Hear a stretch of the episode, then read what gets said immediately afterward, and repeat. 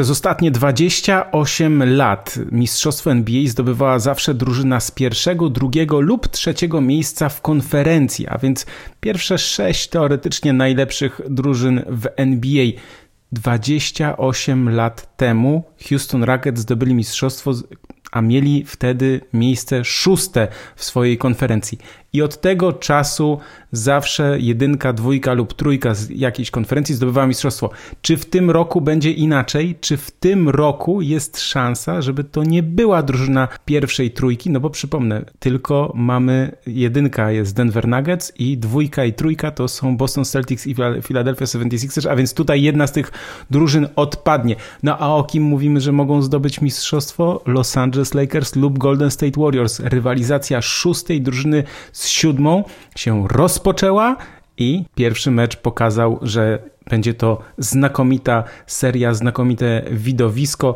Powiem Wam za chwilę, kto jest moim zdaniem faworytem i co się działo w pierwszym meczu. Opowiem też o tym, co się dzieje oczywiście w pozostałych parach, bo dzieje się bardzo dużo i już niektóre serie nabierają naprawdę mocnego, szybkiego tempa. Nazywam się Michał Pacuda, to jest podcast ProBasket, podcast o NBA. Zapraszam na wielką wyprawę za ocean do najlepszej ligi świata.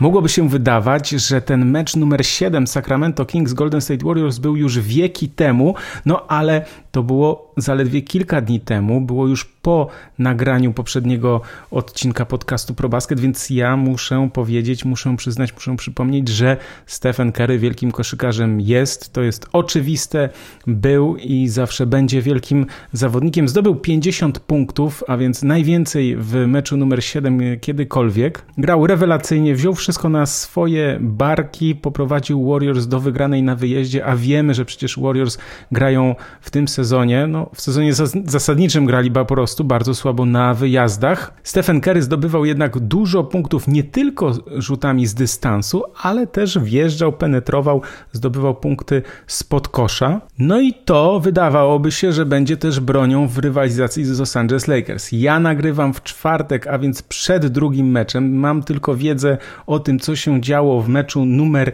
jeden. Wy pewnie będziecie, większość z Was będzie słuchało już tego po meczu numer dwa, no ale mimo wszystko uznałem, że tak te daty w tym tygodniu majówkowym się pokręciły, że najlepiej będzie po prostu nagrać normalnie. Za dużo jest tych meczów, nie ma co czekać też na mecz numer e, dwa, dlatego że potem w piątek wieczorem, w weekend by nie mieli, nie mielibyście pewnie często czasu na słuchanie, bo i tak sporo osób słucha no jak najszybciej, ale nie w weekendy, więc jakby zostawiam to, opowiem po prostu o tym, co się działo w meczu numer jeden Los Angeles Lakers Golden State Warriors, dlatego że przede wszystkim wydawałoby się, że Golden State Warriors zagrali tak, jak by chcieli. To znaczy, rzucali mnóstwo z dystansu, z dobrą skutecznością, bo prawie 40%, jeśli chodzi o rzuty za 3 punkty, trafili 21 trójek. No, wydawałoby się, że to był tak jak się popatrzy na statystyki, no to to jest taki właśnie Golden State Warriors, którzy powinni tutaj gdzieś ten mecz wygrać 21 trójek, no to jest przecież bardzo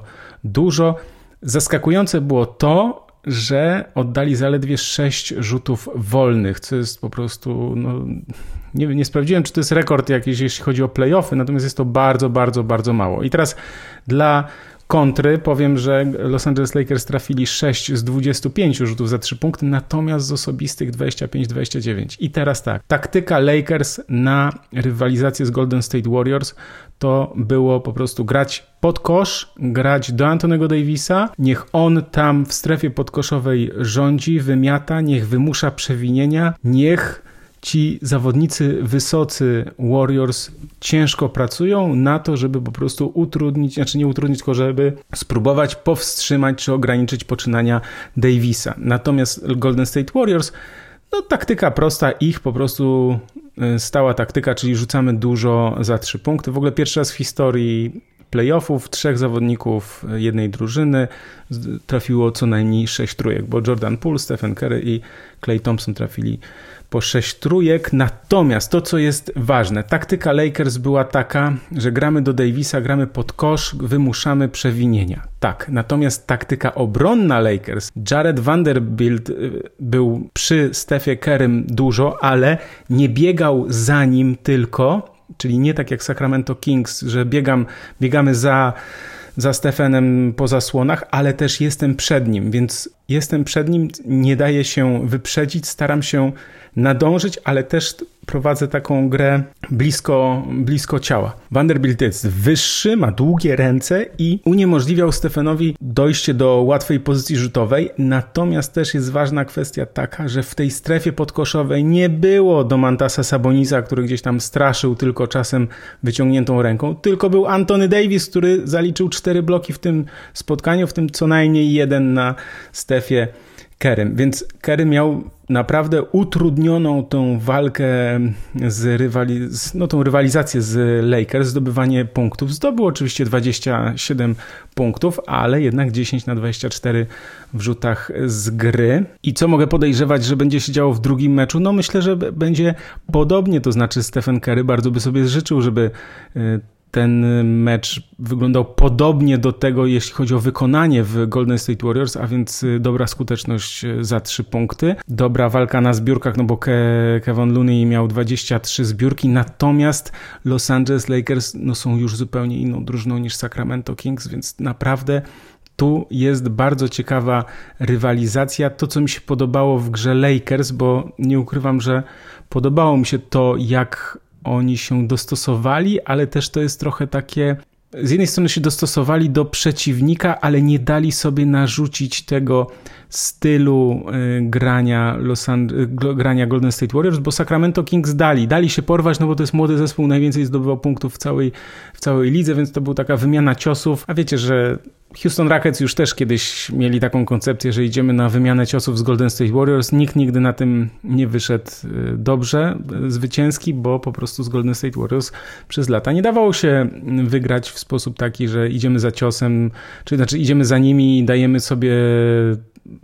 narzucić ten ich styl gry i próbujemy grać podobnie, czyli walimy truje, gramy bardzo szybko. Nie, Lakers grali zdecydowanie wolniej, grali pod kosz i to jest trochę takie zderzenie oldschoolowej koszykówki, można powiedzieć, czy takiej starej koszykówki z nowoczesną koszykówką, czyli ten small ball, czyli gramy na czterech niskich z jednym centrem, wszyscy rzucają za trzy punkty, jeszcze najlepiej, żeby center też rzucał za trzy punkty. To była właśnie taka bardzo ciekawa rywalizacja tego, no takiego zderzenia trochę, nie chcę powiedzieć, że pokoleń, tylko po prostu stylu gry, to znaczy, że Los Angeles Lakers tacy właśnie bardziej poukładani, wiadomo kto jest jedynką, kto wiadomo kto jest dwójką, mamy centra, który tam pod koszem ty, typowo, co prawda potrafi rzucić z pół dystansu, to jest też ważne, natomiast Golden State Warriors to jest ich ta szalona koszykówka, szalona koszykówka też w wykonaniu Jordana Pula, o, której, o którym za chwilę powiem, natomiast jeśli chodzi o Davisa, to powiem, że Anthony Davis jest kluczem do zwycięstwa tej serii dla Lakers. To znaczy, jeśli on będzie grał w ten sposób, to naprawdę Warriors będzie bardzo trudno wygrać czy nawiązać walkę z,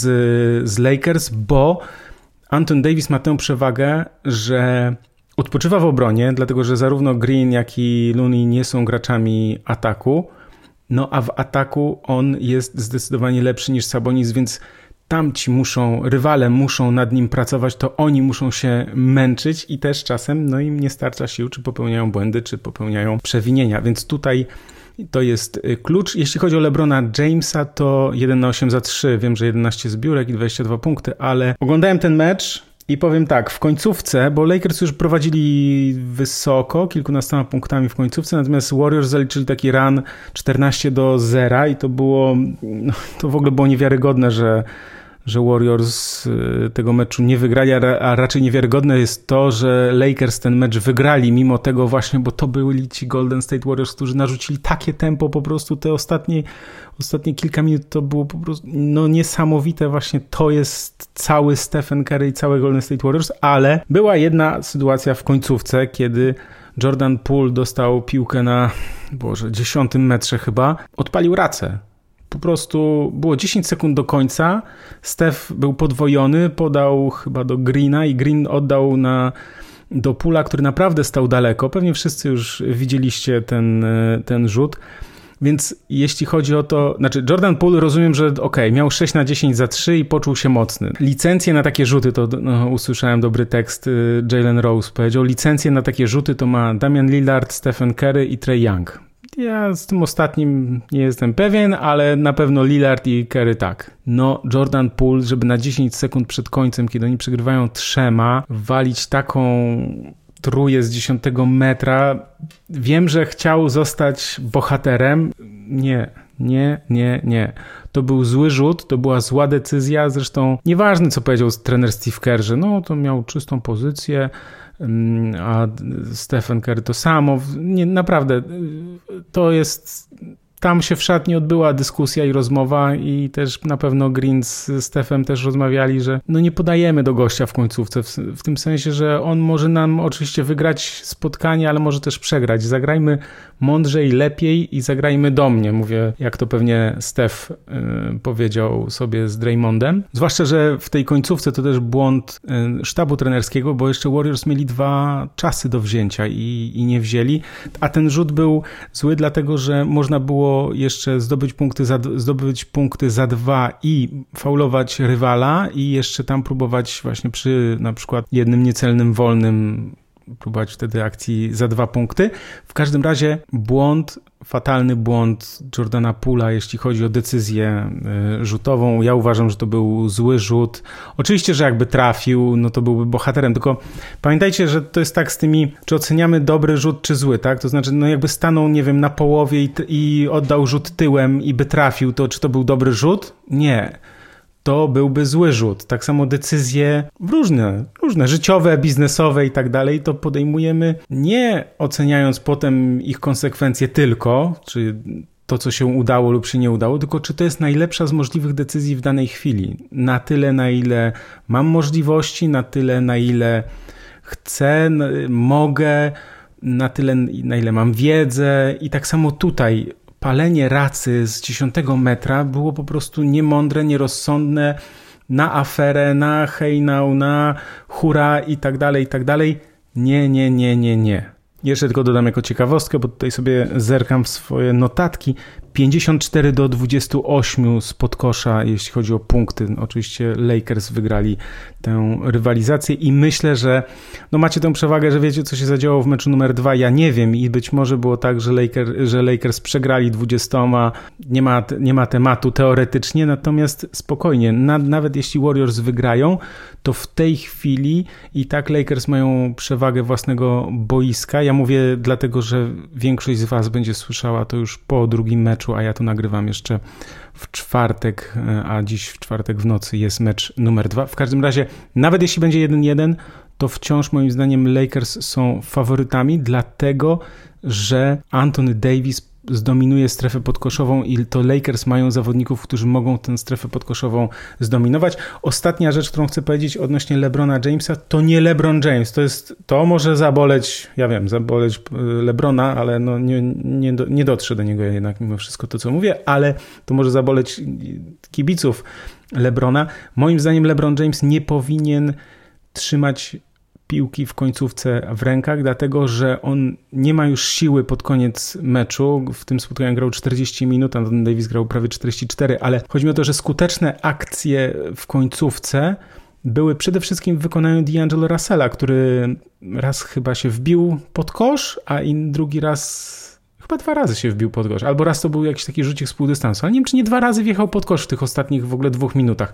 LeBron też trochę jak Jordan Poole. To znaczy często jest tak, że on jak czuje, że nie jest w stanie minąć rywala, to robi tam koziołek, koziołek i jakiś rzut, w, znaczy krok w bok i, i rzut z półdystansu dalekiego czy z dystansu Jemu piłka nie siedzi w tych playoffach na razie. 1 na 8 w tym meczu, wcześniej z Memphis też fatalnie za 3, więc LeBron James nie powinien trzymać piłki w rękach w końcówce, kiedy Lakers muszą zdobywać punkty. Powinien to tę piłkę mieć w rękach zawodnik, który jest w stanie wjechać pod kosz i ewentualnie oddać. To znaczy, że to powinien być albo D'Angelo Russell, albo Dennis Schroeder, który znakomicie też zagrał 19 punktów, zdobył 9 na 10 z osobistych, więc naprawdę tutaj nie chcę mówić, że to może zaważyć, aczkolwiek może zaważyć w, w którymś spotkaniu, że właśnie LeBron James będzie miał w rękach e, piłkę w końcówce dla Lakers lepiej, żeby jej nie miał. Natomiast Golden State Warriors oczywiście nadal mogą wygrać e, tę serię. W strefie podkoszowej będzie im bardzo trudno i nie wiem, czy Kevin Looney jest w stanie zatrzymać Antonego Davisa. No, to na pewno będzie bardzo ciekawa, zacięta rywalizacja. Jesteśmy już po drugim meczu Boston Celtics Philadelphia 76ers. W pierwszym meczu James Harden bez Joela Embida zdobył 45 punktów i dał wygraną Sixers. Sixers taki wynik wzięliby w ciemno, więc nic dziwnego, że byli zachwyceni tym wynikiem. To, co chcę powiedzieć o tej serii, dlatego że już mamy remis 1 do 1. Embiid wrócił.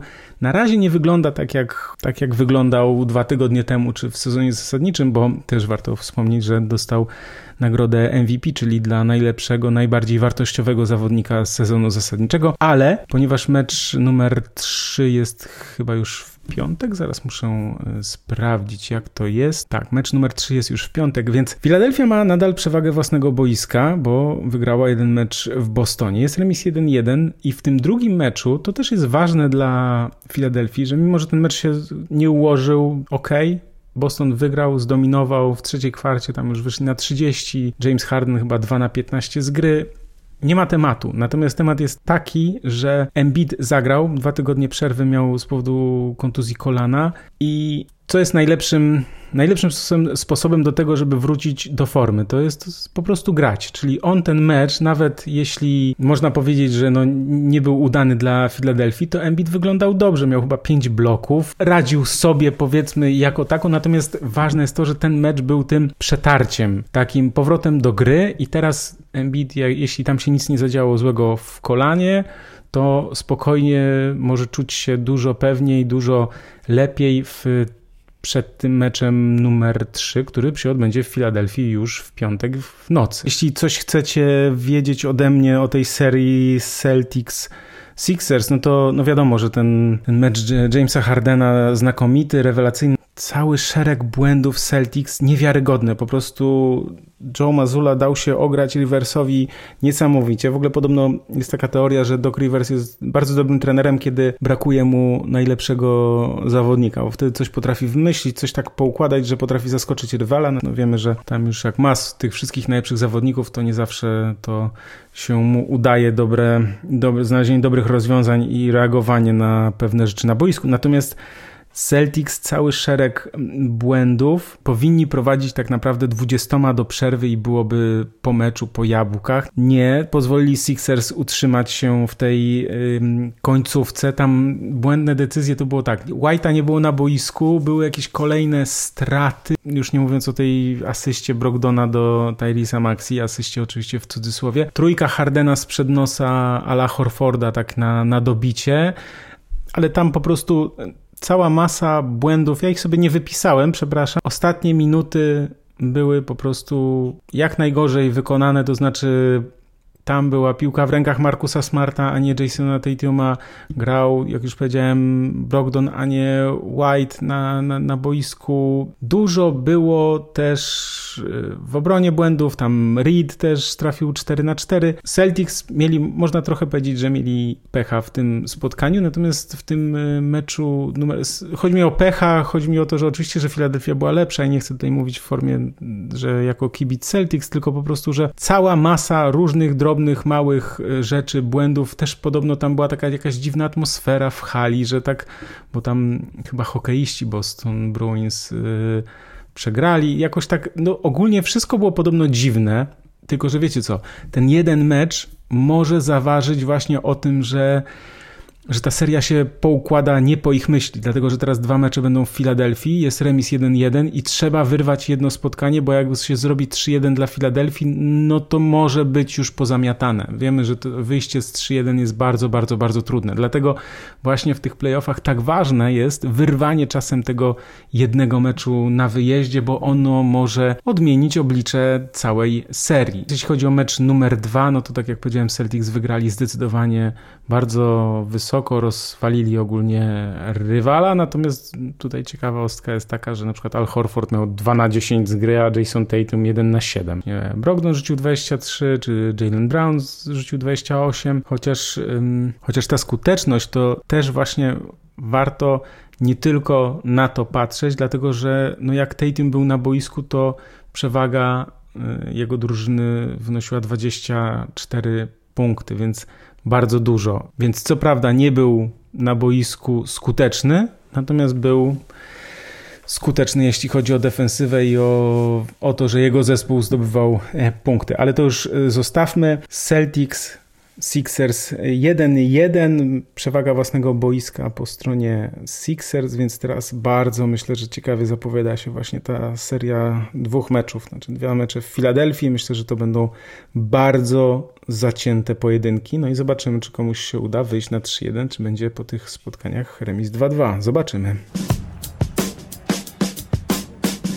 Na wschodzie też niesamowita rywalizacja, taka powiedziałbym, że w parterze między Miami Heat a Nowym Jorkiem. Miami Heat wyrwali ten mecz numer jeden, no ale Jimmy Butler doznał poważnej kontuzji, moim zdaniem, kostki. Jak ja tak spojrzałem na to, jak skręcił nogę i potem jak biegał, utykał, bo wiecie, to jest tak, że skręconą kostką to jest czasem tak, że ten bąbel balon nam się może zrobić gdzieś tam dopiero jak już organizm ochłonie, to zawsze tak mówi, no zobaczymy co będzie rano, no bo organizm musi po prostu przetrawić, zareagować na uszkodzenie, jakie tam się zadziało, natomiast on już ledwo, ledwo chodził po tym, po, skrę, po tym podkręceniu czy skręceniu, dlatego ja, tak powiedziałem, gdzieś tam rozmawiałem z kilkoma znajomymi ja mówię, nie ma szans, żeby on zagrał, bo to po prostu było tak mocne skręcenie, że no nie ma szans, żeby on zagrał w meczu numer dwa i będę zaskoczony, jeśli zagra w meczu numer 3. Naprawdę, bo to wyglądało źle i to, jak on potem zareagował, to wyglądało źle. Natomiast Miami Heat wygrali i niesamowite jest to, że też Nowy Jork nie potrafił zareagować na Jimmy'ego Butlera ze skręconą nogą w końcówce. On co prawda zdobył 25 punktów, nie był to szalony mecz w jego wykonaniu, ale tam twardo też się przeciwstawiał rywalom. No dużo, dużo problemów e, sprawił Nowojorczykom. W każdym razie tak, Miami Heat wygrali ten e, pierwszy mecz 108 do 101. Knicks byli bezradni, ale byli też bez Juliusa Randla, który wrócił już na mecz e, numer dwa, więc tutaj już w tym meczu numer dwa w ogóle jak spojrzymy na skład Miami jeszcze bez bez Butlera, to słuchajcie, to tam tak, nie ma Butlera, nie ma Hiro, nie ma Oladipo i poza Bamem Adebayo, Kevinem Lawem, który wiadomo, że już jest, ma już swoje lata, to to są gracze, którzy odgrywają najważniejsze role, to jest y, Caleb Martin albo Gabe Vincent. To jest po prostu niewiarygodne, że ci zawodnicy potrafią jeszcze nawiązać y, rywalizację z Nowojorczykami, bo ten mecz numer dwa Knicks wygrali oczywiście 111 do 105,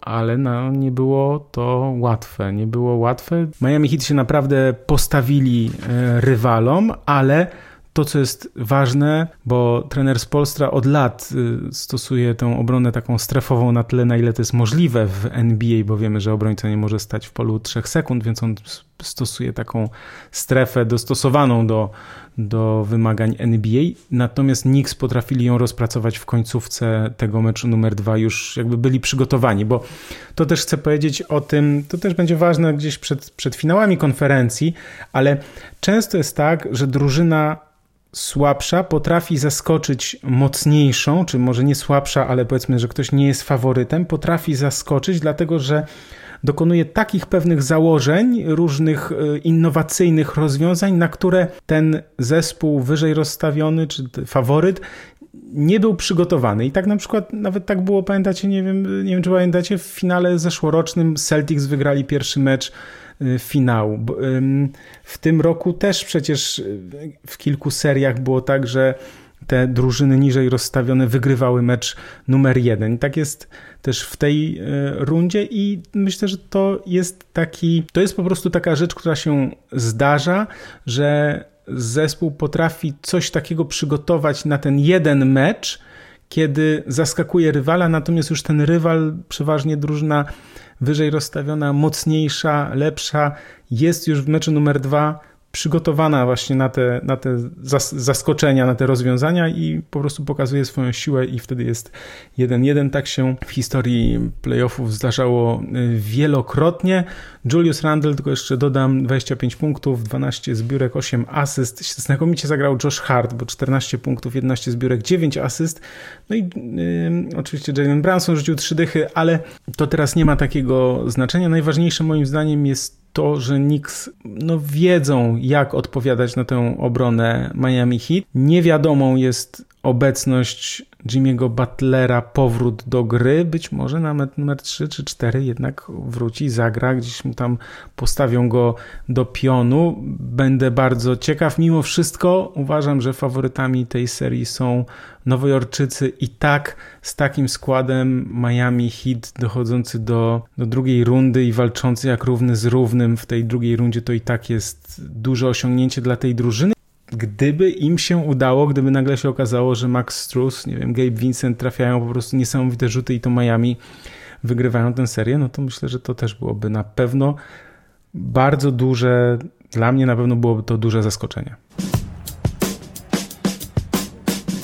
Przypominam też, że jeśli lubicie podcast ProBasket, to oczywiście największą pomocą będzie wchodzenie codziennie na portal probasket.pl, a także jeśli przekażecie, pokażecie znajomym, którzy lubią NBA e, ten podcast, może im też się spodoba. Możecie też wesprzeć e, rozwój podcastu, wpłacając e, pieniążki, stawiając taką wirtualną kawę, to się tak oficjalnie nazywa. To jest po prostu przekazanie niedużej jakiejś darowizny w ramach tego, nazwijmy to, uznania i w ramach tego, że chcecie wspierać, pomagać, żeby ten podcast mógł się ukazy ukazywać i rozwijać.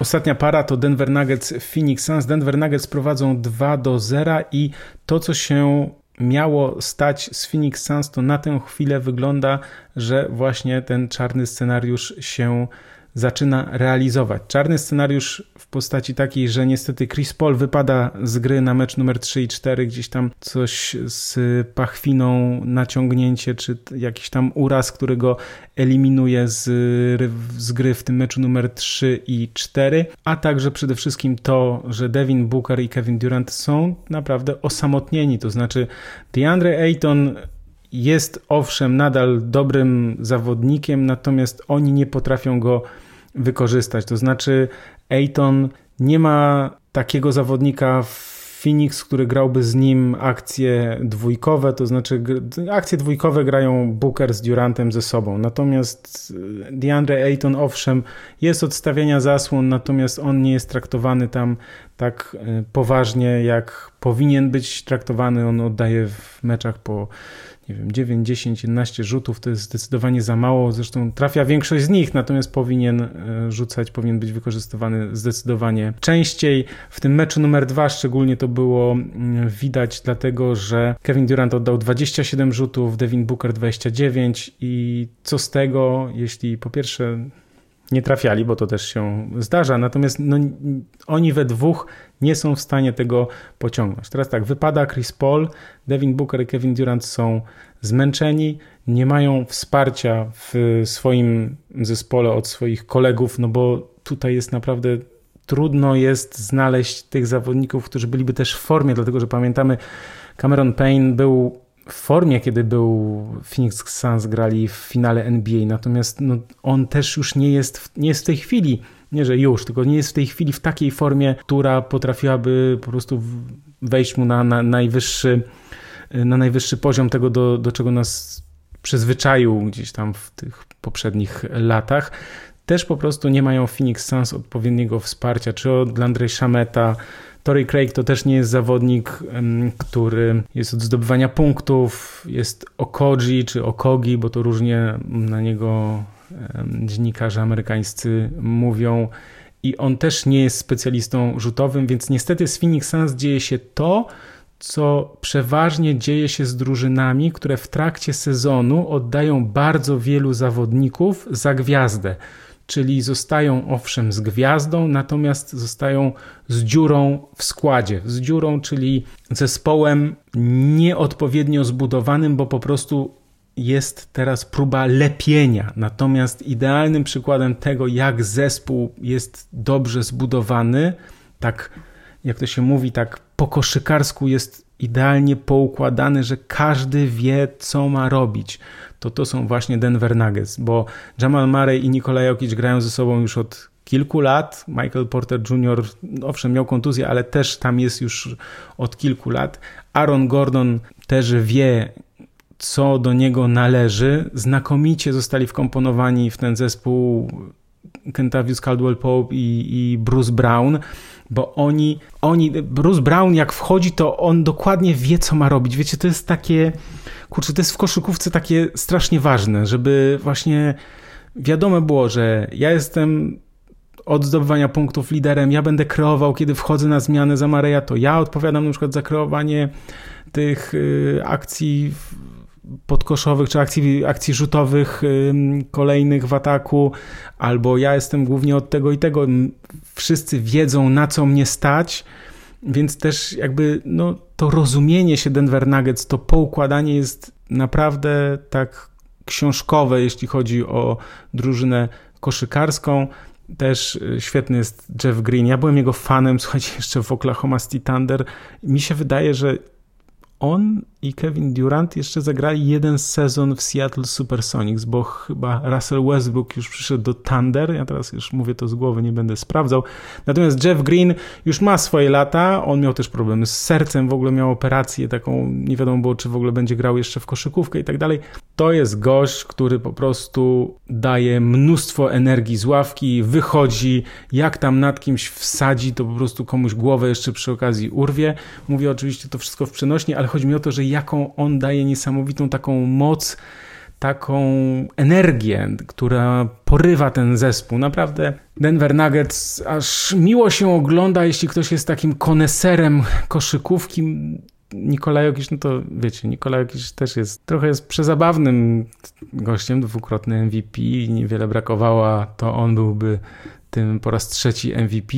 Śmiesznym jest dlatego, że no to jest taki niedźwiedź troszkę z przyspieszeniem, ciężko czasami mu jest, natomiast ogrywa tych wszystkich gości przeciwko sobie po prostu jak chce. Natomiast te jego ruchy są czasem takie trochę nieskładne, trochę on jest taki elastyczny i czasem nie wiadomo jak to do końca, yy, czy on się tam właśnie gdzieś za bardzo nie, za, nie zamiesza, nie zapętli w tych swoich różnych wygibasach, natomiast no po prostu ogrywa wszystkich i jest y, no, jednym, naprawdę, no, jest, to jest, jest niewiarygodne, jest jednym z najlepszych y, koszykarzy w całej NBA, jeśli chodzi o statystyki, więc jakby to w ogóle nie można, nie można dyskutować. Można się troszkę czasem zaśmiać z tego, że po prostu czasem to dziwnie wygląda, natomiast jest bardzo, bardzo skuteczne. Więc tak, Denver Nuggets, super poukładana koszykówka, tak jak zresztą trener Malone starał się to wszystko poukładać od, od kilku lat, natomiast Phoenix Suns mają problemy i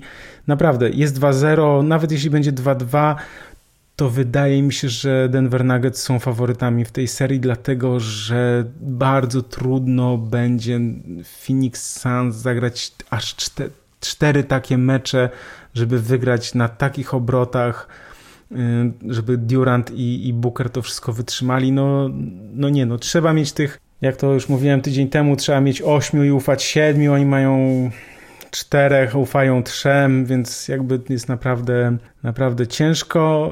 Ja zwracam też uwagę, ponieważ może nie wszyscy wiedzą, jak Denver Nuggets gdzieś tam ja w trakcie sezonu dopiero gościa zauważyłem. Christian Brown jest taki zawodnik i naprawdę warto zwrócić uwagę na tego chłopaka, Denver Nuggets. Dynamit w nogach niesamowity. On wygląda jakby był typowym białym strzelcem z jakiejś uczelni Kentucky, który pewnie, pewnie tylko umie rzucać, a pewnie nie broni i pewnie nie ma dynamitu w nogach, natomiast ten chłopak ma dynamit w nogach i warto mm, mu się przyglądać, bo to naprawdę ta kariera może mu się naprawdę rozwinąć. No nic, to tyle o tej serii Denver Nuggets Phoenix Suns. Ja nagram oczywiście kolejny podcast już za tydzień. Zobaczymy, bo już będzie no, czy jakieś rozstrzygnięcia już będą? No, może już będą, może już y, poznamy jakiegoś zwycięzcę serii, albo będą te ostatnie decydujące mecze.